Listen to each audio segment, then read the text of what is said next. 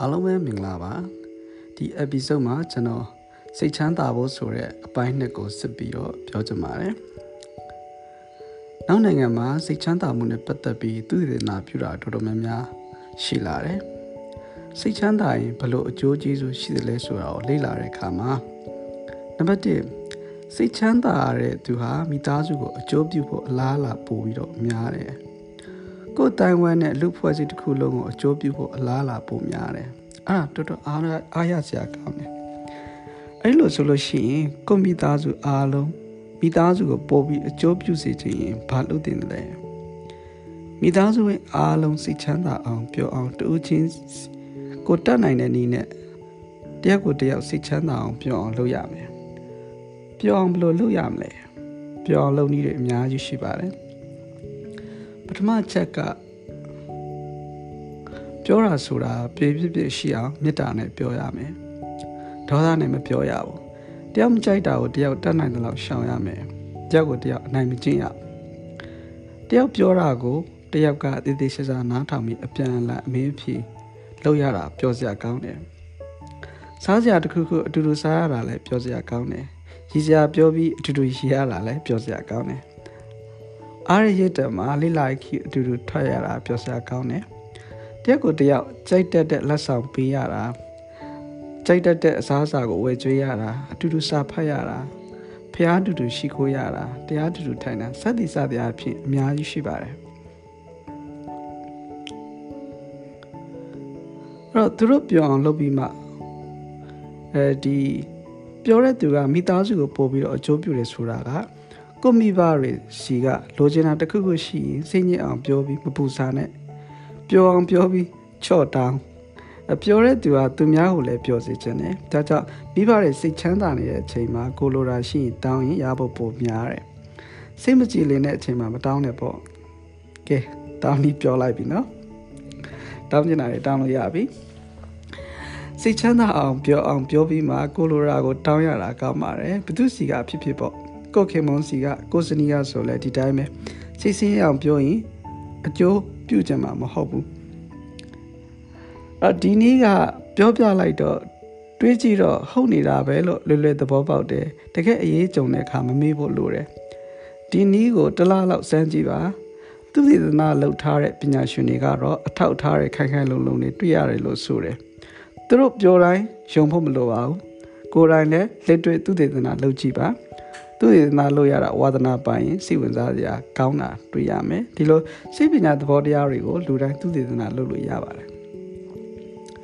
အကုမိသားစုဝင်တွေအကျိုးပြုတာမဟုတ်ပါဘူးစိတ်ချမ်းသာနေတဲ့ပျော်နေတဲ့သူဟာကိုယ်ပတ်ဝန်းကျင်ကိုလည်းအကျိုးပြုတယ်တဲ့ဒီတော့ကိုယ်ပတ်ဝန်းကျင်မှာလူတွေတယောက်ကိုတယောက်အကျိုးပြုအောင်မလုပ်မလဲစိတ်ဆင်းရဲအောင်လုပ်ရင်အကျိုးပြုမှာမဟုတ်ဘူးအကြောက်အောင်လုပ်ရင် အဲမလှုပ်ချင်လှုပ်ချင်နဲ့လှုပ်ပေးလိမ့်မယ်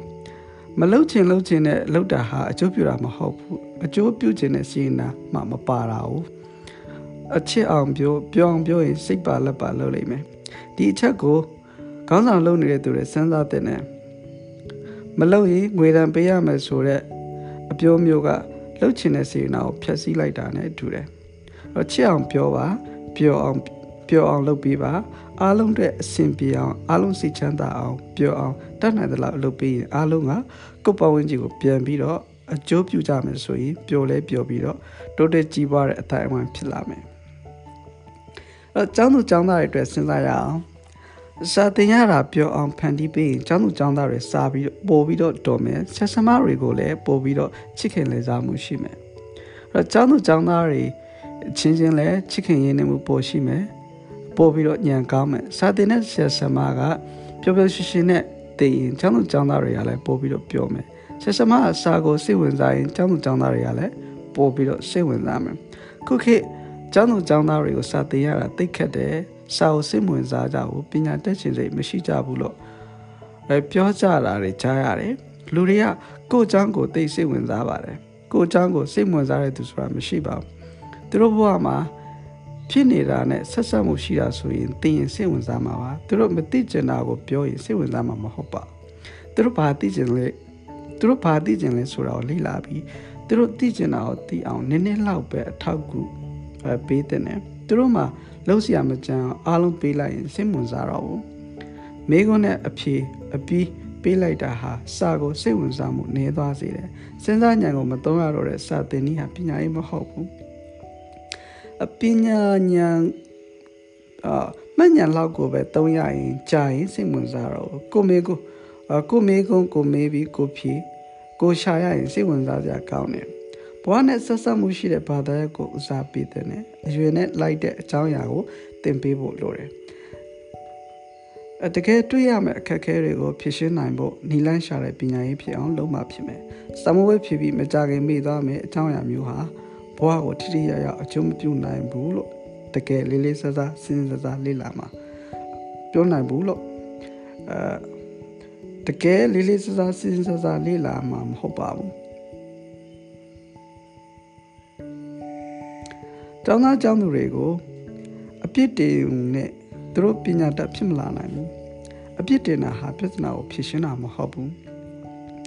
မှတ်ဉာဏ်ကိုပဲဦးစားပေးရင်စိတ်ဝင်စားစရာမဖြစ်ဘူး တော့ငငယ်လေးကစာကိုအလွတ်ကျက်မှတ်တာကိုအများဆုံးလုပ်လာရင်ဂျိုင်းပညာရေးကိုညှင်းငွေ့သွားတယ်တီထွင်ပြီးစဉ်းစားရတာမငြင်းငွေ့နိုင်ဘူးဒါပညာရေးမှာ creative thinking တီထွင်စဉ်းစားရတာမပါဘူးဆိုရင်ကိုယ့်ရဲ့ချင်းတကယ်တိုးတက်လာတယ်လို့ခံစားရမှာမဟုတ်ဘူး education is creative thinking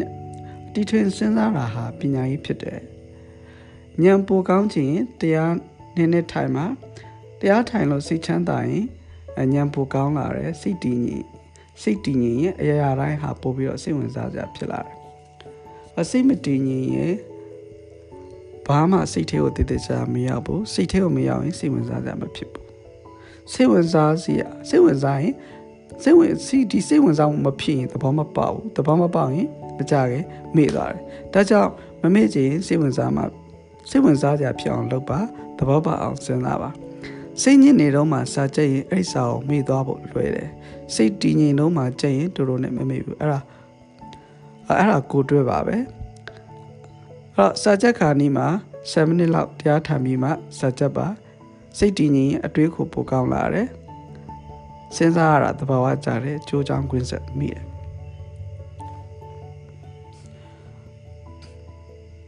တော့ဈေးရောင်းတဲ့အခါမှာကိုဈေးရောင်းတဲ့သူတိုင်းဟာပျော်ပျော်ရွှင်ရွှင်ဈေးရောင်းရင်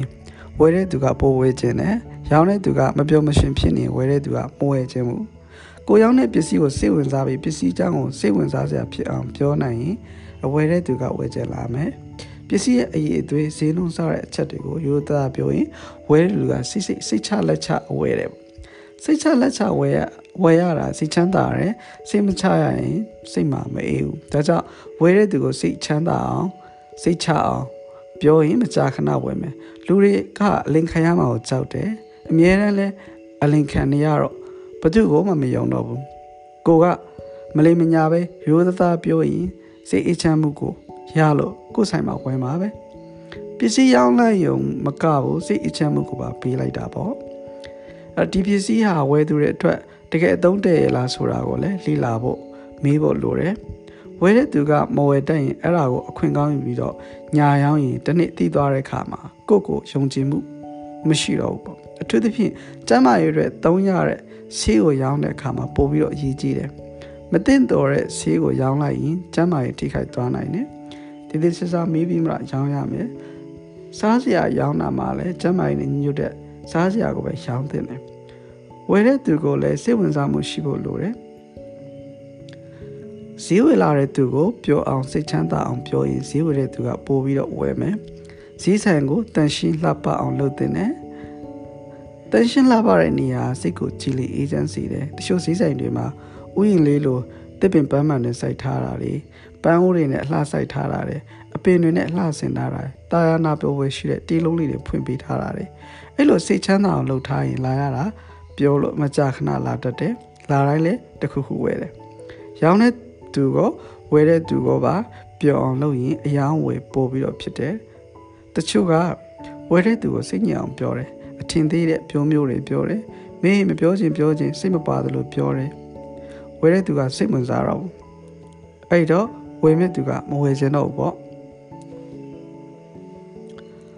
ဝယ်တဲ့သူကိုစိတ်ဝင်စားဖို့အရေးကြီးတယ်လူတိုင်းကကိုစိတ်ဝင်စားတဲ့သူကိုရှာရင်ရောင်းတဲ့သူကကိုစိတ်ဝင်စားရင်သူ့စီမှာဝင်မှာပေါ့ရောင်းတဲ့သူကရောဝယ်တဲ့သူကပါပြောတဲ့ဈေးရောင်းနေကိုလေ့လာသင်ပါတယ်ဒါကနံပါတ်1အချက်ပေါ့နော်အဲ့တော့နှစ်ချက်အနေနဲ့စိတ်ချမ်းသာရင်ပို့ပြီးတော့ပူပေါင်းဆောင်ရွက်မှုရှိတယ် ကိုနဲ့သူနဲ့အတူတူတစ်ခုခုကိုလှုပ်ချင်တယ်ကိုလှုပ်နေတဲ့ကိစ္စမှာလည်းသူ့ကိုလည်းပါစေခြင်းနဲ့ဆိုရင်စိတ်ချမ်းသာအောင်ပြောပါစိတ်ချမ်းသာရင်ပူပေါင်းဆောင်ရွက်မယ်သူ့ရည်ချင်းသူ့စိတ်ထားကိုယုံကြည်ရင်သူ့ကိုလေးစားရင်သူနဲ့ကိုယ်နဲ့အတူတူလုံနိုင်မယ်လုံရတာစိတ်ဆင်းရဲလာရင်စမလို့ချင်တော့တော့စိတ်ချမ်းသာနေတဲ့သူဟာအခင်မရင်းနှီးမှုပိုရှိတယ်စိတ်ချမ်းသာနေတဲ့သူကဆက်ဆံရင်ပိုကောင်းတယ်အဲစိတ်ချမ်းသာ နေတဲ့အခါ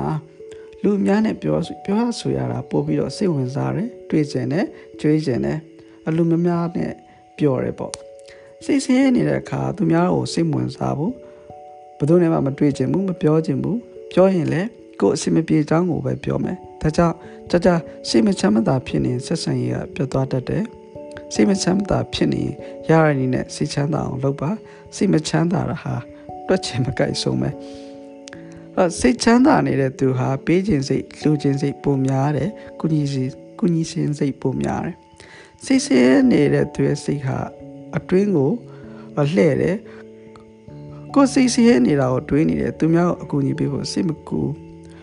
မိဘတော်စိတ်ဆဲနေရင်သားသမီးကိုခင်းမဆိုင်နိုင်ဘူးစိတ်ဝင်စားအောင်ဒါကြောင့်လူတွေတယောက်နဲ့တယောက်ပို့ပြီးတော့ပူပေါင်းဆောင်ရွက်မှုရှိလာစေခြင်းစိတ်ချမ်းသာအောင်အဆင်ပြေအောင်လုပ်ပေးရမယ် ကိုကပြောနေသူများကိုလည်းပြောအောင်စိတ်ချမ်းသာအောင်ပြောခြင်းနဲ့ကုညီခြင်းနဲ့ပေးခြင်းနဲ့ဒါလူတိုင်းကိုရိပါမထူးဆန်းမအောင်ဒါနံပါတ်1ပေါ့အဲ့တော့သုံးအနေနဲ့ပျော်နေတဲ့သူကအလုပ်ကိုပိုကောင်းအောင်လုပ်နိုင်တယ်အလုပ်ရဲ့အရေးအသွေးပိုကောင်းလာတယ်အလုပ်ရှင်တွေဒီအချက်ကိုသတိထားသတိထားသင့်တယ်ကို့အလုပ်သမားတွေစိတ်ချမ်းသာရင်ကို့အလုပ်ကပိုပြီးတော့ပြီးမြောက်တယ် စိတ်ချမ်းသာရင်ပိုပြီးတော့တီထွင်ကြံစားနိုင်တယ်လုပ်နေကြတဲ့ပိုပြီးတော့ကောင်းတဲ့နည်းနဲ့လုပ်နိုင်တယ်မပျော်တဲ့သူကအလုပ်ကိုစိတ်ဝင်စားမှုနေတယ်ဒါကြောင့်ပိုကောင်းအောင်မလုပ်နိုင်ဘူးမပျော်တဲ့သူကညံထိုင်းနေတယ် creativity ဟာတိတ်အရေးကြီးပါတယ်။ဘာလို့လို့လုံနေကြထက်ပိုကောင်းအောင်လုပ်ရင်ပိုစိတ်ဝင်စားတယ်။လုံနေကြကိုပဲအမြဲလုပ်ရင်ကြာရင်စိတ်ဝင်စားမှုမရှိတော့စိတ်ဝင်စားမှုဟာ စိတ်အားကိုပိုပြီးတော့ထွက်ပေါ်စေတယ်။စိတ်ဝင်စားရင်လုပ်ရတာပိုပင်ပန်းတယ်။စိတ်ဝင်စားနေတဲ့သူဟာတိတ်မပင်ပန်းဘူးပျော်တာနဲ့စိတ်ဝင်စားတာဆက်ဆက်မှုရှိတယ်။ပျော်ရင်စိတ်ဝင်စားရင်တီထွင်ကြံစားပြီးလုပ်တယ်။တီထွင်ကြံစပြီးလုပ်ရင်ပို့ပြီးတော့စိတ်ဝင်စားစရာကောင်းတယ်ပို့ပြီးတော့စိတ်ဝင်စားစရာကောင်းရင်ပို့ပြီးတော့ပျော်တာပေါ့ပျော်နေရင်အလုပ်ပို့ပြီးတော့လုပ်တယ်အလုပ်ပို့လုပ်နိုင်တယ်မပင်ပန်းဘူးမပျော်ရင်မလုပ်ခင်ကလေးကပင်ပန်းနေတယ် လုပ်မယ်လို့စဉ်းစားလိုက်တာနဲ့ပို့ပင်ပန်းသွားမယ်မလုပ်ခင်ကလေးကလုပ်ရတာပျော်အောင်လုပ်နိုင်ဖို့ကြိုတင်ပြီးတော့စဉ်းစားတာပါလှုပ်လှုပ်ရတဲ့နေရာကိုပျော်စရာကောင်းအောင်တတ်နိုင်သလောက်ဖန်တီးပါတော့တန်ရှင်းတဲ့လှပအောင်လုပ်နိုင်သလားလို့တော့လုပ်ကိုကြိုင်မဲ့တွေနဲ့စကားပြောတာကိုအဆင်ပြေအောင်ကြိုးစားတော့ပြောတတ်တဲ့သူနဲ့တွဲပြီးလုပ်ရတာပိုကောင်းတယ်အလုပ်ကိုစိတ်ဝင် အဲဒီစိတ်ဝင်စားကြောင်းအလုပ်လုပ်ရတာမပြောကြောင်းပြောတတ်တဲ့သူနဲ့တွဲလုပ်ရအလုပ်လည်းမပြီးဘူးလုပ်ရတာလည်းပိုပင်ပန်းတယ်အမှားအယွင်းများမယ်အထိခိုက်တရတယ်ရတာပိုများနိုင်တယ်အလုပ်ကိုစိတ်ဝင်စားတဲ့သူနဲ့လုပ်ရင်ပို့ပြီးတော့ပြီးတယ်ဒါကြောင့်လုပ်လို့ရတာမပြောတဲ့သူတွေတွဲမလုပ်နဲ့ကိုယ်စိတ်ကိုချမ်းသာအောင်ထားနေအလုပ်ပိုလုပ်နိုင်တယ်အစိမ့်ညစ်စရာရှိရင် တတ်နိုင်တာကိုလုပ်ပြီးတော့မတတ်နိုင်တာကိုပေးထားတဲ့တယ်ဒါကြောင့်နေတိုင်းစိတ်ချမ်းသာဖို့အစီအစဉ်နဲ့လုပ်ထားကြိုတင်စီစဉ်တာပါစိတ်ချမ်းသာမှုအစီအစဉ်နဲ့လုပ်မထားရင်စီစီရဲစရာကအာစိတ်ဆင်းရဲစရာကပဲနေရာဥသွားလိမ့်မယ်အချိန်ရရင်စိတ်ချမ်းသာအောင်နေမယ်အချို့စဉ်းစားတယ်အလုပ်များတဲ့သူအဖို့အချိန်ရရင်ဆိုတာဖြစ်ခဲ့ပါတယ်အချိန်ရရမရရစိတ်ချမ်းသာဖို့အစီအစဉ်တစ်ခုကိုလုံးမဖြစ်မယ်။ တနေ့အတွက်ခဏခဏ9မိနစ်လောက်ပဲဖြစ်ဖြစ်စိတ်ကိုကြည်လင်အောင်လုပ်နိုင်ရင်ပိုကောင်းပါတယ်။အလုပ်ပို့ပြီးတော့အလုပ်ပို့ရင်ပိုကောင်းအလုပ်လုပ်ပြီးရင်ပိုကောင်းအောင်ကိုယ့်အတွက်အများအတွက်ပါသိအကျိုးများပါတယ်။ဒါကြောင့်အလုံးတိုးတက်ဖို့ဒီအချက်ကိုလေးလေးစားစားစစ်စင်သင့်တယ်။စိတ်ချမ်းသာရင်အလုပ်ပို့လုပ်နိုင်တယ်ဆိုတာအလုပ်ရှင်တွေစဉ်းစားသင့်တယ်။ကိုယ့်အလုပ်ပို့ပြီးတော့ပြီးချင်ရင်အလုပ်သမားတွေကိုစိတ်ချမ်းသာအောင် တတ်နိုင်တဲ့နည်းနဲ့စီစဉ်ပေးသေးတယ် စိတ်ချမ်းသာရင်အလုပ်ပို့ပြီးတော့လုပ်နိုင်တယ်ဆိုတာចောင်းသူចောင်းသားတွေလည်းဒီချက်ကိုစဉ်းစားပါမိဘတွေဆက်ဆမတွေစဉ်းစားပါចောင်းသားចောင်းသူတွေစာတင်ရတာစာဖတ်ရတာတွက်ချက်ရတာပျော်ရင်စာရလွယ်တယ်မမိလွယ်တယ်ចောင်းចောင်းမှာပျော်မှစာတော်မယ်ပျော်စရာကောင်းတဲ့အကြောင်းဖြစ်လာအောင်စဉ်းစားပါတန်ရှင်းလှပတဲ့ကျောင်းဟာပို့ပြီးတော့ပျော်စရာကောင်းတယ် နောက်နိုင်ငံတွေမှာကျောင်းတွေအထူးသဖြင့်တက်တော်ကျောင်းတွေမှာလှပတဲ့တန်ကုန်းတွေရေကန်တွေအနားမှာတည်ထားတယ်အကောင်းဆုံးနေရာတွေမှာကျောင်းတည်ရမယ်ဆက်စမတွေနဲ့အဲကျောင်းသူကျောင်းသားတွေဆက်ဆံရေးအစဉ်ပြေမှစိတ်ချမ်းသာတယ်ဒါကြောင့်ဆက်ဆံရေးကိုပညာရေးမှာထည့်ရမယ်တော့ပြောနေရင်အလုပ်ရဲ့အရေးအသွေးပိုကောင်းလာမယ်ဘာဖြစ်လို့လဲပြောနေရင်အဲဒီညံပိုထွက်တယ်ပြောနေရင်အလုပ်လုပ်ရတာစိတ်ဝင်စားတယ်စိတ်ရှည်တယ် ပြောနေရင်မပင်ပန်းဘူးဘာလို့လို့ပြောနေရင်ပိုကောင်းအောင်လုပ်နိုင်တယ်ဘလို့ကြောင်းကြောင်းပဲပျော်ပျော်ပျော်နေတဲ့သူဟာအလုတ်အည်အသွေးပို့ပြီးတော့ကောင်းအောင်လုပ်တယ်အလုတ်ကိုပျော်စရာကောင်းအောင်ဖန်တီးနိုင်ရင်ပိုကောင်းတယ်အလုတ်လုပ်တဲ့နေရာဟာတန်ရှင်းနေမယ်မကောင်းတဲ့အနက်အသက်မရှိဘူးလှပနေမယ်ဆိုရင်အလုတ်လုပ်ရတာပျော်မယ်အလုတ်မှာပြောရဆိုရဆက်ဆံရတာအဆင်ပြေရင်ပျော်မယ်အလုတ်ရဲ့အည်အသွေးလည်းပို့ပြီးတော့ကောင်းမယ် အလုတ်လည်းပို့ပြီးတော့ပြီးတယ်။ကျောင်းမှာတန်ရှင်းလှပမယ်ဆက်ဆံရေးကောင်းမယ်ဆိုရင်ဆက်စမတွေနဲ့ကျောင်းသူကျောင်းသားတွေကပို့ပြောမယ်ပြောရင်စာပို့တော့မယ်ဒီ high income ဒီ high income နေနဲ့ဝင်ငွေပိုကောင်းမယ်ပြောတဲ့သူဟာသူ့စိတ်ကိုအားရှိနေမယ်အလုပ်ကိုစိတ်ဝင်စားရတယ်အလုပ်ပိုလုပ်နိုင်တယ် အလုပ်ပိုပြီးတယ်တီထွင်ပြီးလုပ်တယ်လူတွေနဲ့လည်းအဆင်ပြေအောင်ပြောတတ်တယ်ခင်တတ်တယ်တော့ပျော်ရွှင်နေတဲ့သူကိုလူတွေကပိုပိုပြီးတော့ခင်ပါတယ်ပျော်ပြီးတော့လည်းဒီပိုပြီးတော့လည်းယုံကြည်တယ်ဒါကြောင့်အလုတ်ကင်ပို့အဆင်ပြေပြီးဝင်ငွေပိုကောင်းတယ်ဘယ်လုတ်ပဲလုတ်လို့ပြောတဲ့သူဟာပိုတိုးတက်တယ်ပိုအောင်မြင်တယ်ဒါကြောင့်အကျိုးမြတ်ပိုခံစားနိုင်တယ် ဒီအမှုတန်းနဲ့ဆိုလို့ရှိရင်လည်းအလုံးမှာပျော်နေတဲ့သူကိုလာစားပိုတိုးပေးတယ်ရာတို့တိုးပေးတယ်ပေါ့ပျော်နေတဲ့သူဟာကိုခံအားပိုကောင်းတယ်တော့ကျမ်းမာရေးပိုကောင်းတယ်ဒါကြောင့်ယောဂဖြစ်နေတယ်ဖြစ်လာရင်လည်းပျောက်တာမြန်တယ်စိတ်ကူးတာစိတ်နဲတယ်မကျမ်းမာလို့ခွင့်ယူရတာနဲတယ်လူသမားတွေခွင့်ယူရတာနဲရင်အလုရှင်မှာတွက်ချေပိုကြိုက်တယ်ဒါကြောင့်လူသမားတွေကိုပြောအောင် လှုပ်ပေးပါကိုယ်ပိုင်အလုပ်ဆိုရင်လည်းကိုကျမ်းမာရေးပိုကောင်းနေအလုပ်မပြတ်ဘူးကျမ်းမာရေးမကောင်းရင်ကျမ်းမာရေးမကောင်းလို့ကိုပဲကိုရောစိတ်ပါပင်ပန်းနေဒီကြားထဲမှာအလုံးမလုံးနိုင်လို့အလုံးမပြီးလို့စိတ်ပင်ပန်းပြန်တယ်စိတ်ပင်ပန်းရင်ကျမ်းမာရေးမကောင်းဘူးဒီတစ်ပတ်အတွင်းအဲဒီတစ်ပတ်လဲသွားမယ်ကျမ်းမာနေရင်ပျော်တယ်ပျော်ရင်ကျမ်းမာတယ်ကျမ်းမာနေရင်ပျော်တယ်အလုပ်ပိုလုပ်နိုင်တယ်ဒါကြောင့် စိတ်ချမ်းသာတယ်ပျော်တယ်အခုခေတ်စိတ်ကူတာစိတ်ကြီးပုံမျိုးနဲ့ဆိုရင်တွက်ချက်ကြိုက်တာပေါ့နော်ပြောတဲ့အကြောင်းဆောင်ကျောင်းသားတွေကကျမ်းမာရေးပိုကောင်းတယ်လို့အဲကျမ်းမာရေးပိုကောင်းတယ်ကျောင်းပြတ်တာနေမယ်ကျောင်းမှာပြောရင်နေမကောင်းတဲ့ကျောင်းသားဟာကျောင်းရောက်ရင်တက်တာမယ်ကျောင်းမှာမပြောရင်ကျောင်းတက်တာနဲ့နေမကောင်းဖြစ်မယ်ကျမ်းမာခြင်းပြောပြောနေပါပြောပြောနေပါဆိုတာအပြောပါလိုက်စားပါလို့ပြောတာမဟုတ်ဘူးပေါ့ စိတ်ချမ်းသာအောင်စိတ်ထားတတ်ဖို့အဓိကတော့စိတ်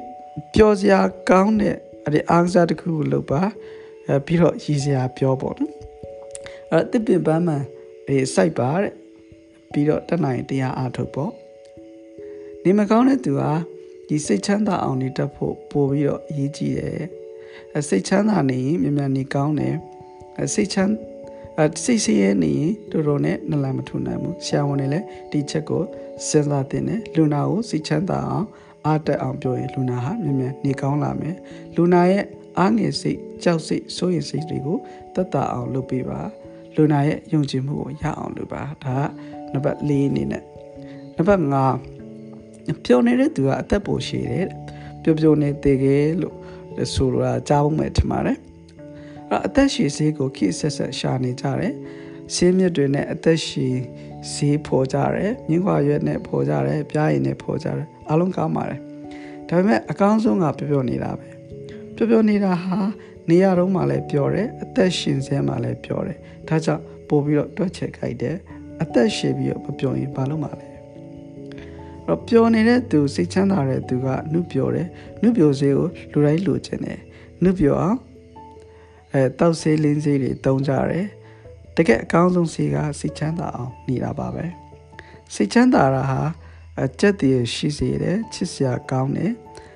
စိတ်ချမ်းသာတဲ့သူဟာလှနေတယ်ဒါကြောင့်နှုတ်ပျော်လှပါပြီချစ်ချမ်းမာမာအသက်ရှင်ခြင်းအသက်ရှင်ခြင်းစိတ်ချမ်းသာအမြဲနေပါတရားအထုတ်ပါတတိနဲ့နေပါစိတ်ထားကောင်းကောင်းနေပါလူတွေကိုချစ်ချစ်ခင်ခင်လေးလေးဆဆဆက်ဆက်မှာတကယ်တော့ ဘယ်ဟာမှတိတ်ရေးမကြည့်ဘူးဆိုတာနားလေပါဘာအတွက်မှစိတ်ဆင်းရဲမခံပါနဲ့ဒါနံပါတ်5အချက်ပေါ့နံပါတ်6ချက်နေနေကတော့ဒီပျော်နေတဲ့သူတွေဟာအိမ်တောင်ပြုတ်ဖို့အတွက်အလားအလာများတယ်အစိစီရဲ့နေတတ်တဲ့သူကိုအိမ်တောင်ပဲအဖြစ်နဲ့မရွေးချယ်မရွေးချင်ကြပါဘူးအဲ့တော့ပျော်ပျော်ရွှင်ရွှင်အတူနေခြင်းလို့အိမ်တောင်ပြုကြတာပါ အဲ့တော့စိစီရဲ့နေရမယ်ဆိုရင်ဘာဖြစ်လို့အိမ်တောင်ပြုရမလဲဒါကြောင့်စိတ်ချမ်းချမ်းသာသာနေတတ်တဲ့သူပျော်ပျော်နေတတ်တဲ့သူကိုအိမ်တောင်ဘက်ဖြစ်ရွေးကြဖို့ပိုလားလာများပါတယ်ပျော်နေတဲ့သူကအိမ်တောင်ပျော်နေတဲ့သူကအိမ်တောင်ကွေးဖို့အလားလာပိုနေတယ်ပျော်ပျော်နေတဲ့သူနဲ့လမ်းခွဲခြင်းတဲ့သူနဲပါတယ်မပျော်တဲ့လူချင်းအတူနေလမ်းခွဲဖို့အလားလာပိုများတယ် ပျော်တဲ့သူချင်းအတူနေလမ်းခွဲဖို့အလားလာပိုနဲတယ်ကိုကစိတ်ချမ်းသာအောင်ပျော်အောင်မနေတတ်ရင်ငါစိတ်မချမ်းသာတာနင်းချောင်းလို့ပြောခြင်းတယ်သူကလည်းအဲ့လိုပဲပြောမယ်ဒါဆိုရင်လမ်းခွဲရရမယ်ကိုယ့်အကိုစိတ်ချမ်းသာအောင်နေတယ်တယောက်ကိုတယောက်လည်းစိတ်ဆင်းရဲအောင်မလုပ်ဘူးနှစ်ယောက်ပေါင်းပြီးပျော်စရာတွေကိုအတူတူလှုပ်တက်တယ်ဆိုရင်အတူတူနေရတာပျော်မယ်ပျော်ရင်လမ်းမခွဲဖြစ်ဘူးပေါ့အိမ်တော်ဘက်တွေမှာမဟုတ်ပါဘူး ဘယ်သူနဲ့ပဲဖြစ်ဖြစ်မပျော်ရင်အတူမနေခြင်းဘူးအတူတူမလုပ်ခြင်းဘူးအပေါင်းဖို့မလုပ်ခြင်းဘူးမပျော်တဲ့သူနဲ့မပျော်တဲ့သူဟာအပေါင်းဖို့ရနေတယ်အဖို့လို့ကြီးပျော်အောင်နေပါတော့ပျော်ပျော်နေတဲ့သူတွေကမိတ်ဆွေအပေါင်းအသင်းနဲ့ခင်မင်တာတွေများတယ်မိတ်ဆွေအဖြစ်ပေါင်းကျင်တယ်ဆိုရင်လည်းစိတ်ချမ်းသာအောင်နေတတ်တဲ့သူကိုပေါင်းပါပဲအမြဲတမ်းစိတ်ဆင်းရဲနေတတ်တဲ့သူကိုဘယ်သူကမှရေရှည်မပေါင်းကျင်ကြပါဘူးဒါကြောင့် မိတ်ဆွေမများလိုချင်ရင်စိတ်ချမ်းသာအောင်နေပါပျော်ပျော်နေပါမိတ်ဆွေများတာဟာပြောကြကောင်းတယ်ပျော်တဲ့သူတွေအကြောင်းကိုလေ့လာကြည့်တော့သူတို့မှာမိတ်ဆွေကောင်းတွေရှိတာကိုတွေ့ရတယ်တော့မိတ်ဆွေကောင်းရှိတော့တိုင်ပင်စရာရှိရင်တိုင်ပင်ရတယ်အဲ့ဒါသိပြီးတော့အရေးကြီးတယ်တော့လူတိုင်းမှာတိုင်ပင်ဖို့တိုင်ပင်ဖက်ရှိရမယ်တခါတလေကို့အခက်ခဲကိုမိတ်ဆွေတယောက်နဲ့တိုင်ပင်လိုက်မှ ဘာလို့တင်တယ်ဆိုတာရှင်းရှင်းလင်းလင်းမြင်လာသိလာတယ်တယောက်တည်းထိုင်တွေးနေလို့မပေါ်နိုင်တဲ့အဖြေဟာမိတ်ဆွေတယောက်နဲ့ဆွေးနွေးလိုက်တဲ့အခါအကောင်းဆုံးအဖြေကိုရလာတယ်တခါတလေတော့ကိုမိတ်ဆွေတွေကကိုဘာလို့တင်တယ်ဆိုတာကိုပြောပြနိုင်တယ်တခါတလေတော့မိစေကောင်းတဲ့စကားပြောရင်ဆွေးနွေးရင်ကိုယ်စိတ်ကူးစိတ်စတန်းတွေကထွက်လာတယ်။ဘာလို့သိနေဆိုတာကိုယ့်အကိုသိလာတယ်။အနောက်နိုင်ငံမှာကိုယ့်အခက်အခဲကိုဆွေးနွေးစီရင်ငွေပေးပြီးတော့ဆွေးနွေးလို့ရတယ်။ မိစေကောင်းရှိရင်တော့ငွေပေးပြီးဆွေးနွေးရတဲ့သူစီကိုသွားဖို့မလိုဘူးပေါ့။ကိုယ်စိတ်ထဲမှာတခုခုခံစားနေရရင်ကိုယ့်ကိုနားလေပေးနိုင်မဲ့သူကိုပြောပြခြင်းနဲ့ပြောရမယ့်သူရှိလို့ပြောလိုက်ရရင်စိတ်ထဲမှာရှင်းသွားတယ်။ပေါ့သွားတယ်ပေါ့။အဲ့ဒါသိအရေးကြီးတယ်။ဒါတော့မစ်ဆွေကောင်းမရှိရင်ပြောရမယ့်သူမရှိရင်ကြာရင်စိတ်ယောဂဖြစ်လာနိုင်တယ်စကားပြောဖို့မရှိရင်စိတ်ယောဂဖြစ်နိုင်တယ် မစ်ဆွေများတဲ့သူကတော့တင့်တော်တဲ့မစ်ဆွေကိုပြောလိုက်ရင်စိတ်ထဲမှာရှင်းသွားတယ်တတ်တာသွားတယ်မစ်ဆွေကောင်းများလို့ပြောတာလားပျော်ပျော်နေတတ်လို့မစ်ဆွေကောင်းများတာလားဘယ်ဟာကစတာလဲပျော်ပျော်နေတတ်လို့မစ်ဆွေများတယ်မစ်ဆွေများလို့ပြောတယ်တပတ်လေပြန်လေသွားပြီပေါ့နော်တော့မိတ်ဆွေကောင်းများလို့အခက်အခဲရှိတဲ့အခါအကူအညီရတယ်အဆင်ပြေတယ်အဆင်ပြေလို့ပြောတယ် အဲ့စားဝတ်နေရဲ့အဆင်ပြေလို့အခက်အခဲနေတယ်ဒါကြောင့်ပြောတယ်ဟောတပတ်လေသွားပြန်ဒီတော့ပြောပြောနေပါပြောပြောနေတာနဲ့စပါပြောပြောရှိရှိနေတတ်တဲ့သူနဲ့စိတ်ညစ်နေတတ်တဲ့သူနဲ့ဘသူစီကိုမကြာခဏအလဲသွားခြင်းလဲအဖြေကခင်ဗျားတို့သိမေပြီးသားဖြစ်မှာပါပြောပြောနေတဲ့သူစီကိုမကြာခဏအလဲသွားခြင်းတာပေါ့တော့မကြာခဏတွေ့ရရင်သူ့အကြောင်းကိုလည်းသိတယ်ကို့အကြောင်းကိုလည်းသိ ပေါ်ပြီးတော့ရင်းနှီးလာတယ်ဒီလိုနဲ့ရေရှည်ပေါင်းလို့ဖြစ်မဲ့သူဖြစ်ရင်တစ်သက်လုံးပေါင်းမယ်မိတ်ဆွေကောင်းဖြစ်လာမယ်ဒါကြောင့်ပျော်ပျော်ရွှင်ရွှင်နေတတ်တဲ့သူမှာမိတ်ဆွေကောင်းများတယ်မိတ်ဆွေကောင်းများကိုအခက်အခဲရှိတဲ့အခါကုညင်မဲ့သူကများတယ်ကုညင်မဲ့သူများလို့အဆဆရအဆင်ပြေတယ်စိတ်ချမ်းသာမှုကြောင့်ဖြစ်လာတဲ့ကောင်းကျိုးကွင်းဆက်တွေကအများကြီးပဲနော်ကိုစီကိုလာစီခြင်းလာတဲ့အခါ စိတ်ချမ်းသာစရာတွေကိုပြောပါအားတက်အောင်ပြောပါယူဒတာလေးလေးဆဆဆက်ဆံမှာအခုခေတ်မှာယူဒတာလေးလေးဆဆဆက်ဆံတာနည်းသွားတယ်လို့ပြောကြတယ်ယူဒတာလေးလေးဆဆဆက်ဆံတာနည်းလို့ပဲအဲ့ဒီလိုယူဒတာလေးလေးဆဆဆက်ဆံတဲ့သူကိုပို့ပြီးတော့ခင်ကြတယ်ယူဒတာလေးလေးဆဆဆက်ဆံလို့ရမှာပဲဆက်ဆံရတာကောင်းတယ်မယောသားတဲ့ဆက်ဆံရေးဟာစိတ်ချမ်းသာမှုမရနိုင်ဘူး ဆက်ဆံရတာစိတ်ချမ်းသာမှုမရရင်ရှည်ရှည်ဘာဖြစ်လို့ဆက်ဆံနေရမှာလဲတကယ်လိုချင်တာကစိတ်ချမ်းသာမှုပဲမဟုတ်လားပျော်ပျော်နေတတ်တဲ့သူဟာသူများရဲ့အကူအညီကိုပေါ်ရတယ်သူ့ကိုခင်မင်တတ်တဲ့သူများကတော့ကူညီခြင်းနဲ့သူကလည်းများမှာပဲကိုကညှဉ်းညူနေရင်ကိုကိုအကူအညီပေးမယ်လို့ထင်ကြတယ်နားကြီးတာမခံနိုင်တော့တခါတလေလို့အကူအညီလိမ့်မယ်ဒါပေမဲ့တတ်နိုင်တယ်လို့ရှောင်ကြမှာပဲဒါကြောင့် အကူအညီလိုချင်ရင်အေးအေးဆေးဆေးတောင်းပါတစ်ဖက်လူကိုနားကြီးအောင်မလုပ်နဲ့စိတ်ချမ်းသာအောင်ပြောပြီးအကူအညီတောင်းပါစိတ်ညစ်အောင်ပြောပြီးတော့မတောင်းပါနဲ့ကိုက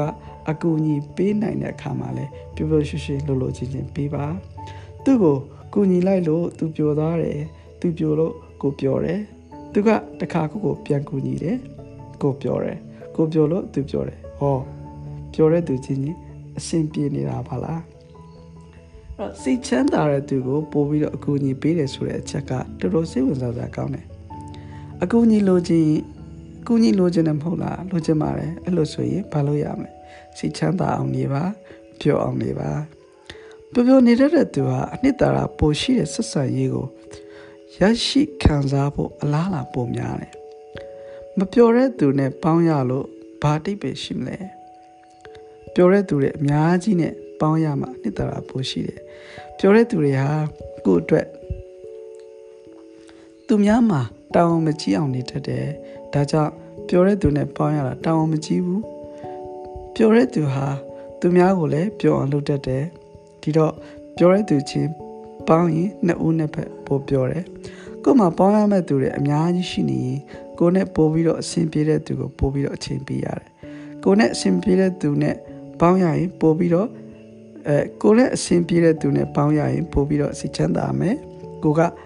ပေးနိုင်တာကိုပေးမယ်သူကလည်းကိုပေးနိုင်တာကိုပေးမယ်ဝါသနာတို့စိတ်တူဖြစ်နေရင်တွေ့ရတာစိတ်ဝင်စားမယ်ပညာဘုဒ္ဓရာစသည်အဖြစ်ဖလှယ်ရမယ်ဒါကြောင့်သူ့ကိုလည်းအဲသူလည်းတိုးတက်မယ်ကိုလည်းတိုးတက်မယ်ဒါမှ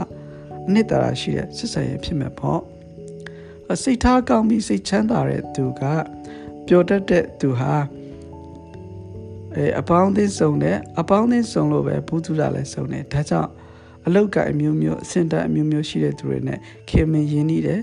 အပေါင်းအသင်းနဲ့ကျဲတယ်သူပေါင်းနိုင်တဲ့သူဟာအသက်အရွယ်အမျိုးမျိုးပညာရည်ရှင်အမျိုးမျိုးအလုတ်ကအမျိုးမျိုးစုံတယ်အလေးအကျင့်ရနေလို့သူဟာဘသူနဲ့တွေ့တွေ့အဆင်ပြေတယ်ပြောတတ်တယ်အဲသူကသာတွေ့ချင်ရင်လာတွေ့မဲ့သူတွေများတယ်သူမှအပေါင်းအသင်း အဲအပေါင်းဖို့မရှိလို့အထီးကျန်နေတာမျိုးဖြစ်မှာမဟုတ်ဘူး။ညာသောအဖြစ်စိတ်ချမ်းသာတဲ့သူတွေဟာစိတ်ထားလဲပိုကောင်းတယ်။စိတ်ထားကောင်းတဲ့သူဟာဆက်ဆံရေးဆက်ဆံရတာအနှစ်သာရပိုရှိတယ်။ဒါကြောင့်စိတ်ထားကောင်းပြီးစိတ်ချမ်းသာတဲ့သူပြောတဲ့သူဟာပို့ပြီးတော့အထိပ္ပယ်ရှိတဲ့ကျင့်တတ်စရာပိုကောင်းတဲ့ဆက်ဆံရေးကိုရနိုင်တယ်။အဲဒီလိုဆိုတော့မပြောတဲ့သူကိုလူတွေကဘေးဖယ်ထားမယ်လို့တွေးစရာမဖြစ်ဘူးလား။ ကို့အတွက်တွက်ချင်မကြိုက်တာကိုဘသူကဟီရှေလှုပ်ချင်နေမလဲမပြောတဲ့သူဟာတယောက်တည်းမပြောမရွှင်နေရမှာပဲသူ့ကိုအဖို့လှုပ်ချင်တဲ့သူသိနေမယ်သူနဲ့ပေါင်းရရင်ကို့မှာရှိသမျှအားရကုံသွားလို့သူ့ကိုတွေ့ရမှာကြောက်တယ်မလွဲတာလို့တွေ့ရရင်လည်းခဏပဲခံနိုင်တယ်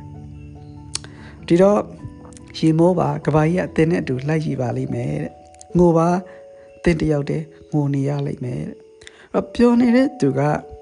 ကိုယ်စိတ်ကိုအင်အားဖြည့်ပေးတယ်မပျော်တဲ့သူက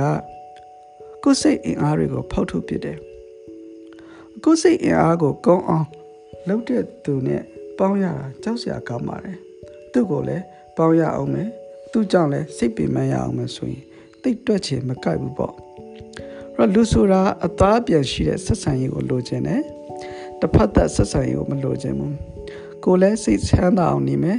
အဲသူများကိုလည်းစိတ်ချမ်းသာအောင်တတ်နိုင်သလောက်လုပ်ပေးမယ်ဆိုရင်အဲ့လိုလူချင်းပေါင်းရတာအရှုံးမရှိဘူးအရှုံးမရှိရည်ရှည်လုံနိုင်တယ်ပေါ့တစ်ဖက်သက်အနက်နာခံအရှုံးပဲဆက်ဆံရေးကရည်ရှည်မလုံနိုင်ဘူးဒါကြောင့်ပိုပြီးကျင့်တတ်မှုရတဲ့ဆက်ဆံရေးကိုလိုချင်စိတ်ချမ်းချမ်းသာသာနေပါလို့ပြောချင်ပါတယ်။အကိုနဲ့ဆက်ဆံရတဲ့သူကိုလည်းစိတ်ချမ်းသာအောင်တတ်နိုင်တယ်လို့လုပ်ပေးဖို့ တော့ဝါသနာမျိုးမျိုးဘုဒ္ဓအမျိုးမျိုးရှိတဲ့သူဟာလူအမျိုးမျိုးနဲ့ပေါင်းလို့ရတယ်။သူပေါင်းသည့်နေပေဟာလည်းကျဲတယ်။ဒါကြောင့်သူ့ဘဝဟာစိတ်ဝင်စားစရာပုံများတယ်။ပိုပျော်တယ်။သူနဲ့စကားပြောရရင်အများမှာပိုအကျိုးရှိတယ်စိတ်ဝင်စားစရာကောင်းတဲ့အကြံဉာဏ်တွေရတယ်ဒါကြောင့်သူနဲ့တွေ့ကျင်တဲ့သူကများတယ်သူ့မှာပြင်းတဲ့အချိန်မရှိဘူးသူနဲ့တွေ့ရတဲ့သူဟာလည်းမပြင်းဘူးဒါကြောင့် စိတ်ချမ်းသာခြင်းပညာပုစုတာအမျိုးမျိုးကိုလေ့လာပါကိုလည်းအကျိုးများတယ်ပျော်တယ်ကိုနဲ့တွေ့ရတဲ့သူကလည်းအကျိုးများတယ်ပျော်တယ်ဒါနံပါတ်6ချက်ပေါ့နော်အဲ့တော့နံပါတ်9ချက်သွားရအောင်ပါစိတ်ချမ်းသာတဲ့သူပျော်နေတဲ့သူတွေကစိတ်ခံစားမှုကျန်းမာရေးပိုကောင်းတယ်စိတ်ဓာတ်ကြယောဂမဖြစ်ဘူးအားမငယ်ဘူးလို့ပြောတယ်အဲစိတ်ဆင်းရဲနေရင်စိတ်နေမကောင်းဘူးလို့ဆိုရမယ် စိတ်မကျန်းမာဘူးကြာရင်စိတ်ယောဂလို့ခေါ်တဲ့ယောဂဆိုဖြစ်တတ်တယ်ဒါကြောင့်စိတ်မချမ်းမသာဖြစ်နေရင်အဲ့ဒါကိုအမြန်ဆုံးပြအောင်လုပ်ပါစိတ်ချမ်းသာအောင်နေတတ်တဲ့သူဟာစိတ်ကြည်လင်ချမ်းသာနေလို့စိတ်ကျမ်းပါတယ်စိတ်ကျမ်းမာနေသဘောထားတွေလည်းမှန်တယ်အသိဉာဏ်တွေလည်းပို့ပြီးတော့ထွက်တယ်အစိတ်ချမ်းသာတဲ့သူစိတ်ကျမ်းမာအရေးကောင်းတဲ့သူဟာ သူ့ကိုယ်သူတောင်းယူနိုင်တယ်ဒါကြောင့်သူဟာသူများရဲ့ဝန်ထုတ်ဝန်ပိုးမဖြစ်ဘူးသူကြောင့်ဘယ်သူမှတော့ကမဖြစ်ရဘူးဒါကြောင့်သူနဲ့ဆက်ဆံရတဲ့သူတွေကလည်းစိတ်ချမ်းသာတယ်အဲ့စိတ်ချမ်းသာတဲ့သူစိတ်ချမ်းမာတဲ့သူဟာအားမငယ်ဘူးဒါကြောင့်သူအားသူကိုးတယ်သူအားသူသူအားသူကိုးတဲ့သူကိုလူတွေကပုတ်ခင်းကြတယ်ဒါကြောင့်အားမငယ်တတ်တဲ့သူကိုခင်းတဲ့သူကများတယ် ခင်းတဲ့သူများတော့အားမငယ်ဘူးဟောတပတ်လေသားပြန်ပြီကိုယ့်အကိုစိတ်ချမ်းသာအောင်နေပြီကိုယ့်အားကိုကိုးတဲ့သူကိုလူတွေကပုတ်ခင်းတယ်အားငယ်ပြီလူတွေရဲ့အားပေးမှုကိုတိတ်လိုချင်နေရင်ခဏတော့ရတာပေါ့ကြိုင်ညင်းငွေသွားတယ်လူတွေဟာဘသူတာဝန်ကိုမှရေရှည်မယူနိုင်ကြပါဘူးကို့အတွက်ရေရှည်ဝန်တော့ဝန်ဖို့ဖြစ်မဲ့သူကိုရှောင်ကြပါတယ်ဒါကနံပါတ်9ချက်ချက်ပါနံပါတ်10ကိုသွားရအောင်ပါ တော့ပြပြနေတဲ့သူဟာတက်လက်တယ်တက်ကြွတယ်အားဖို့ရှိတယ်စိတ်အားထက်သန်တယ်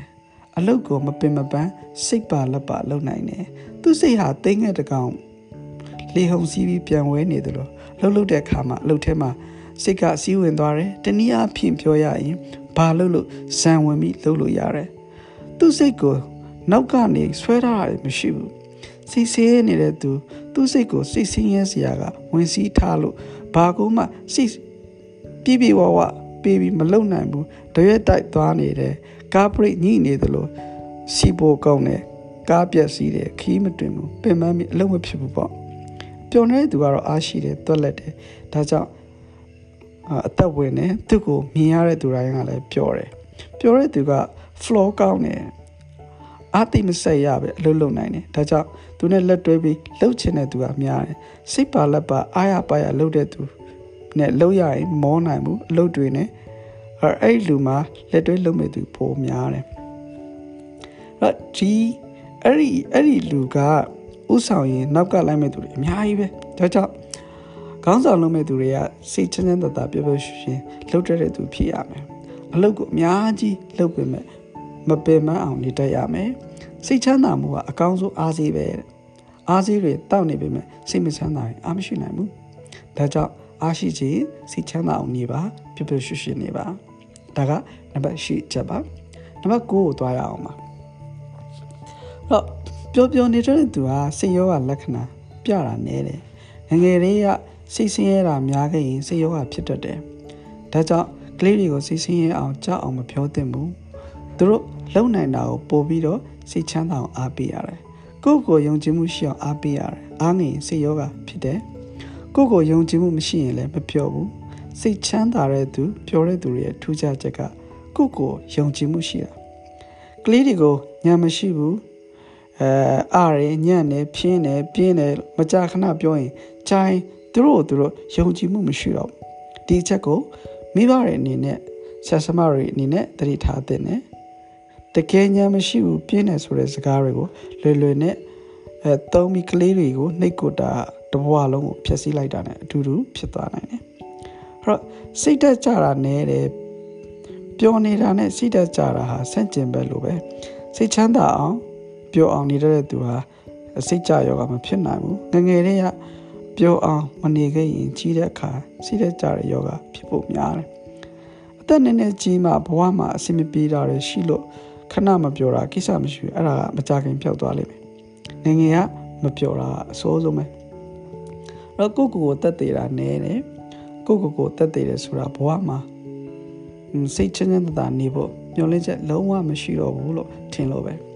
အဲ့စိတ်ချမ်းသာနေတဲ့သူဟာသူ့ဘဝသူကျင့်တတ်တယ်သူ့မှာတည်ခြင်းစိတ်မရှိဘူးသူ့ကိုယ်သူတည်မှာမဟုတ်ဘူးသူ့ကိုယ်သူတက်တယ်မှာမဟုတ်ဘူး အခုကိုတက်တယ်တယ်ဆိုတာတတော်ကိုစီစင်းရဲနေလို့ဖြစ်ရမယ်အနာဂတ်မှာလည်းစိတ်ချမ်းသာစရာမျှော်လင့်ချက်မမြင်လို့ဖြစ်ရမယ်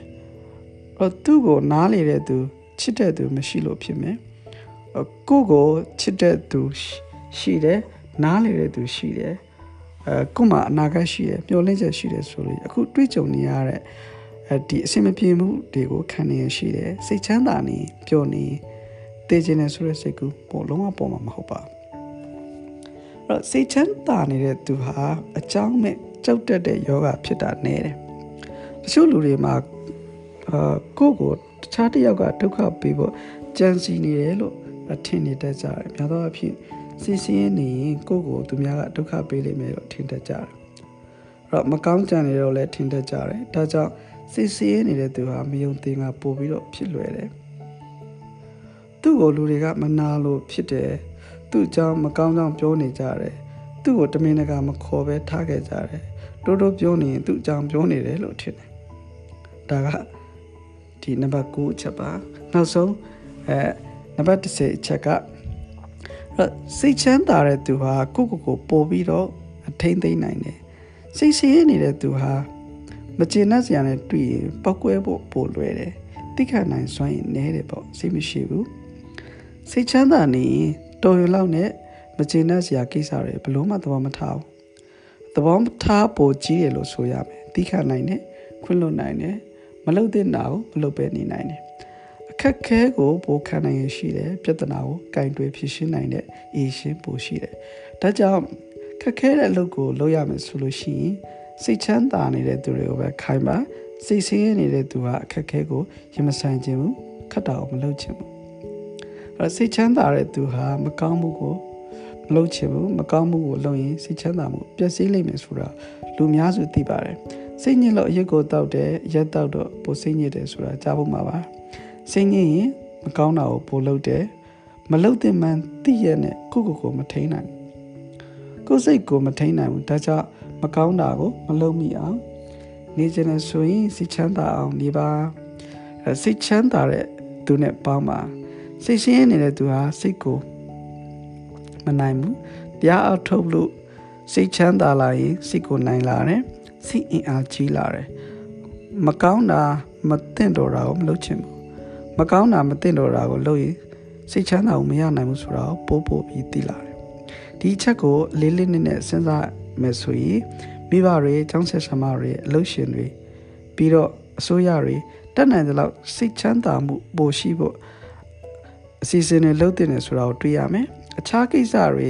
အဆင်ပြေခြင်းရင်စိတ်ချမ်းသာမှုကိုနောက်မှမထားသင့်ဘူးတွဲပြီးတော့ထားသင့်တယ်သို့မဟုတ်ရှိကနေပြီးတော့ထားသင့်တယ်မိဘနဲ့အဆင်မပြေရင်သားသမီးတွေဟာမိဘမကြိုက်တာကိုပို့လုပ်တယ်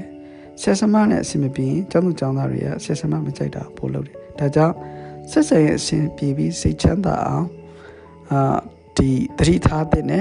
အဆင်မပြေတာ ရှိနေပုပ္ပလင်းလင်းပြောပြီးဖြစ်ရှင်တာကောင်းပါတယ်ပွပွလင်းလင်းပြောလို့ရရင်စိတ်မှာတင်းကျပ်မှုသိမဖြစ်တော့အဲ့တော့ပွပွလင်းလင်းလေးလေးစားစားပြောလို့ရရင်မကောင်းအဲမကောင်းတဲ့နီးနဲ့မဖြေရှင်းမှုပေါ့ကိုကိုကမလေးစားဘူးလို့ထင်နေလို့ရှိရင်သူပြောတဲ့စကားကိုလေးလေးစားစားနဲ့နားမထောင်ဘူးပြေးလဲပြေးလေဖို့မကြိုးစားဘူးသဘောထားပို့ပြီးတော့တင်မာလာတယ်ကိုကိုကိုလေးလေး အဲကိုကိုလေးလေးစားစားပြောရင်သူ့စကားကိုတည်တည်စားစားနားထောင်မယ်ပြေးလေဖို့ကြိုးစားမယ်ဒါကြောင့်အကျင့်စာရိတ္တပိုကောင်းခြင်း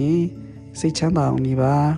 စိတ်ချမ်းသာအောင်နေနိုင်ဖို့အကူအညီလေးတွေကိုပုံပွင့်လင်းလင်းလေးလေးစားစားပြောပါအဲ့တော့ဒါကစိတ်ချမ်းသာအောင်နေတဲ့အခါမှာဒီရလာမယ့်အကျိုးကျေးဇူးစေချက်လေးပေါ့နော်ဒါကဆရာတော်ဥဇောတိကရဲ့စိတ်ချမ်းသာဖို့လိုရင်းပါဆိုတဲ့စာအုပ်ကအာပြောပြတာဖြစ်ပါတယ်အားလုံး ကိုယ်စိတ်နှဖျားကျမ်းမာချမ်းသာကြပါစေနတ်ဖန်စိတ်ချမ်းသာဖို့အပိုင်းသုံးကိုဆက်ပြီးတော့နားဆင်ရဖို့ရှိပါတယ်ခုနိုင်ပါ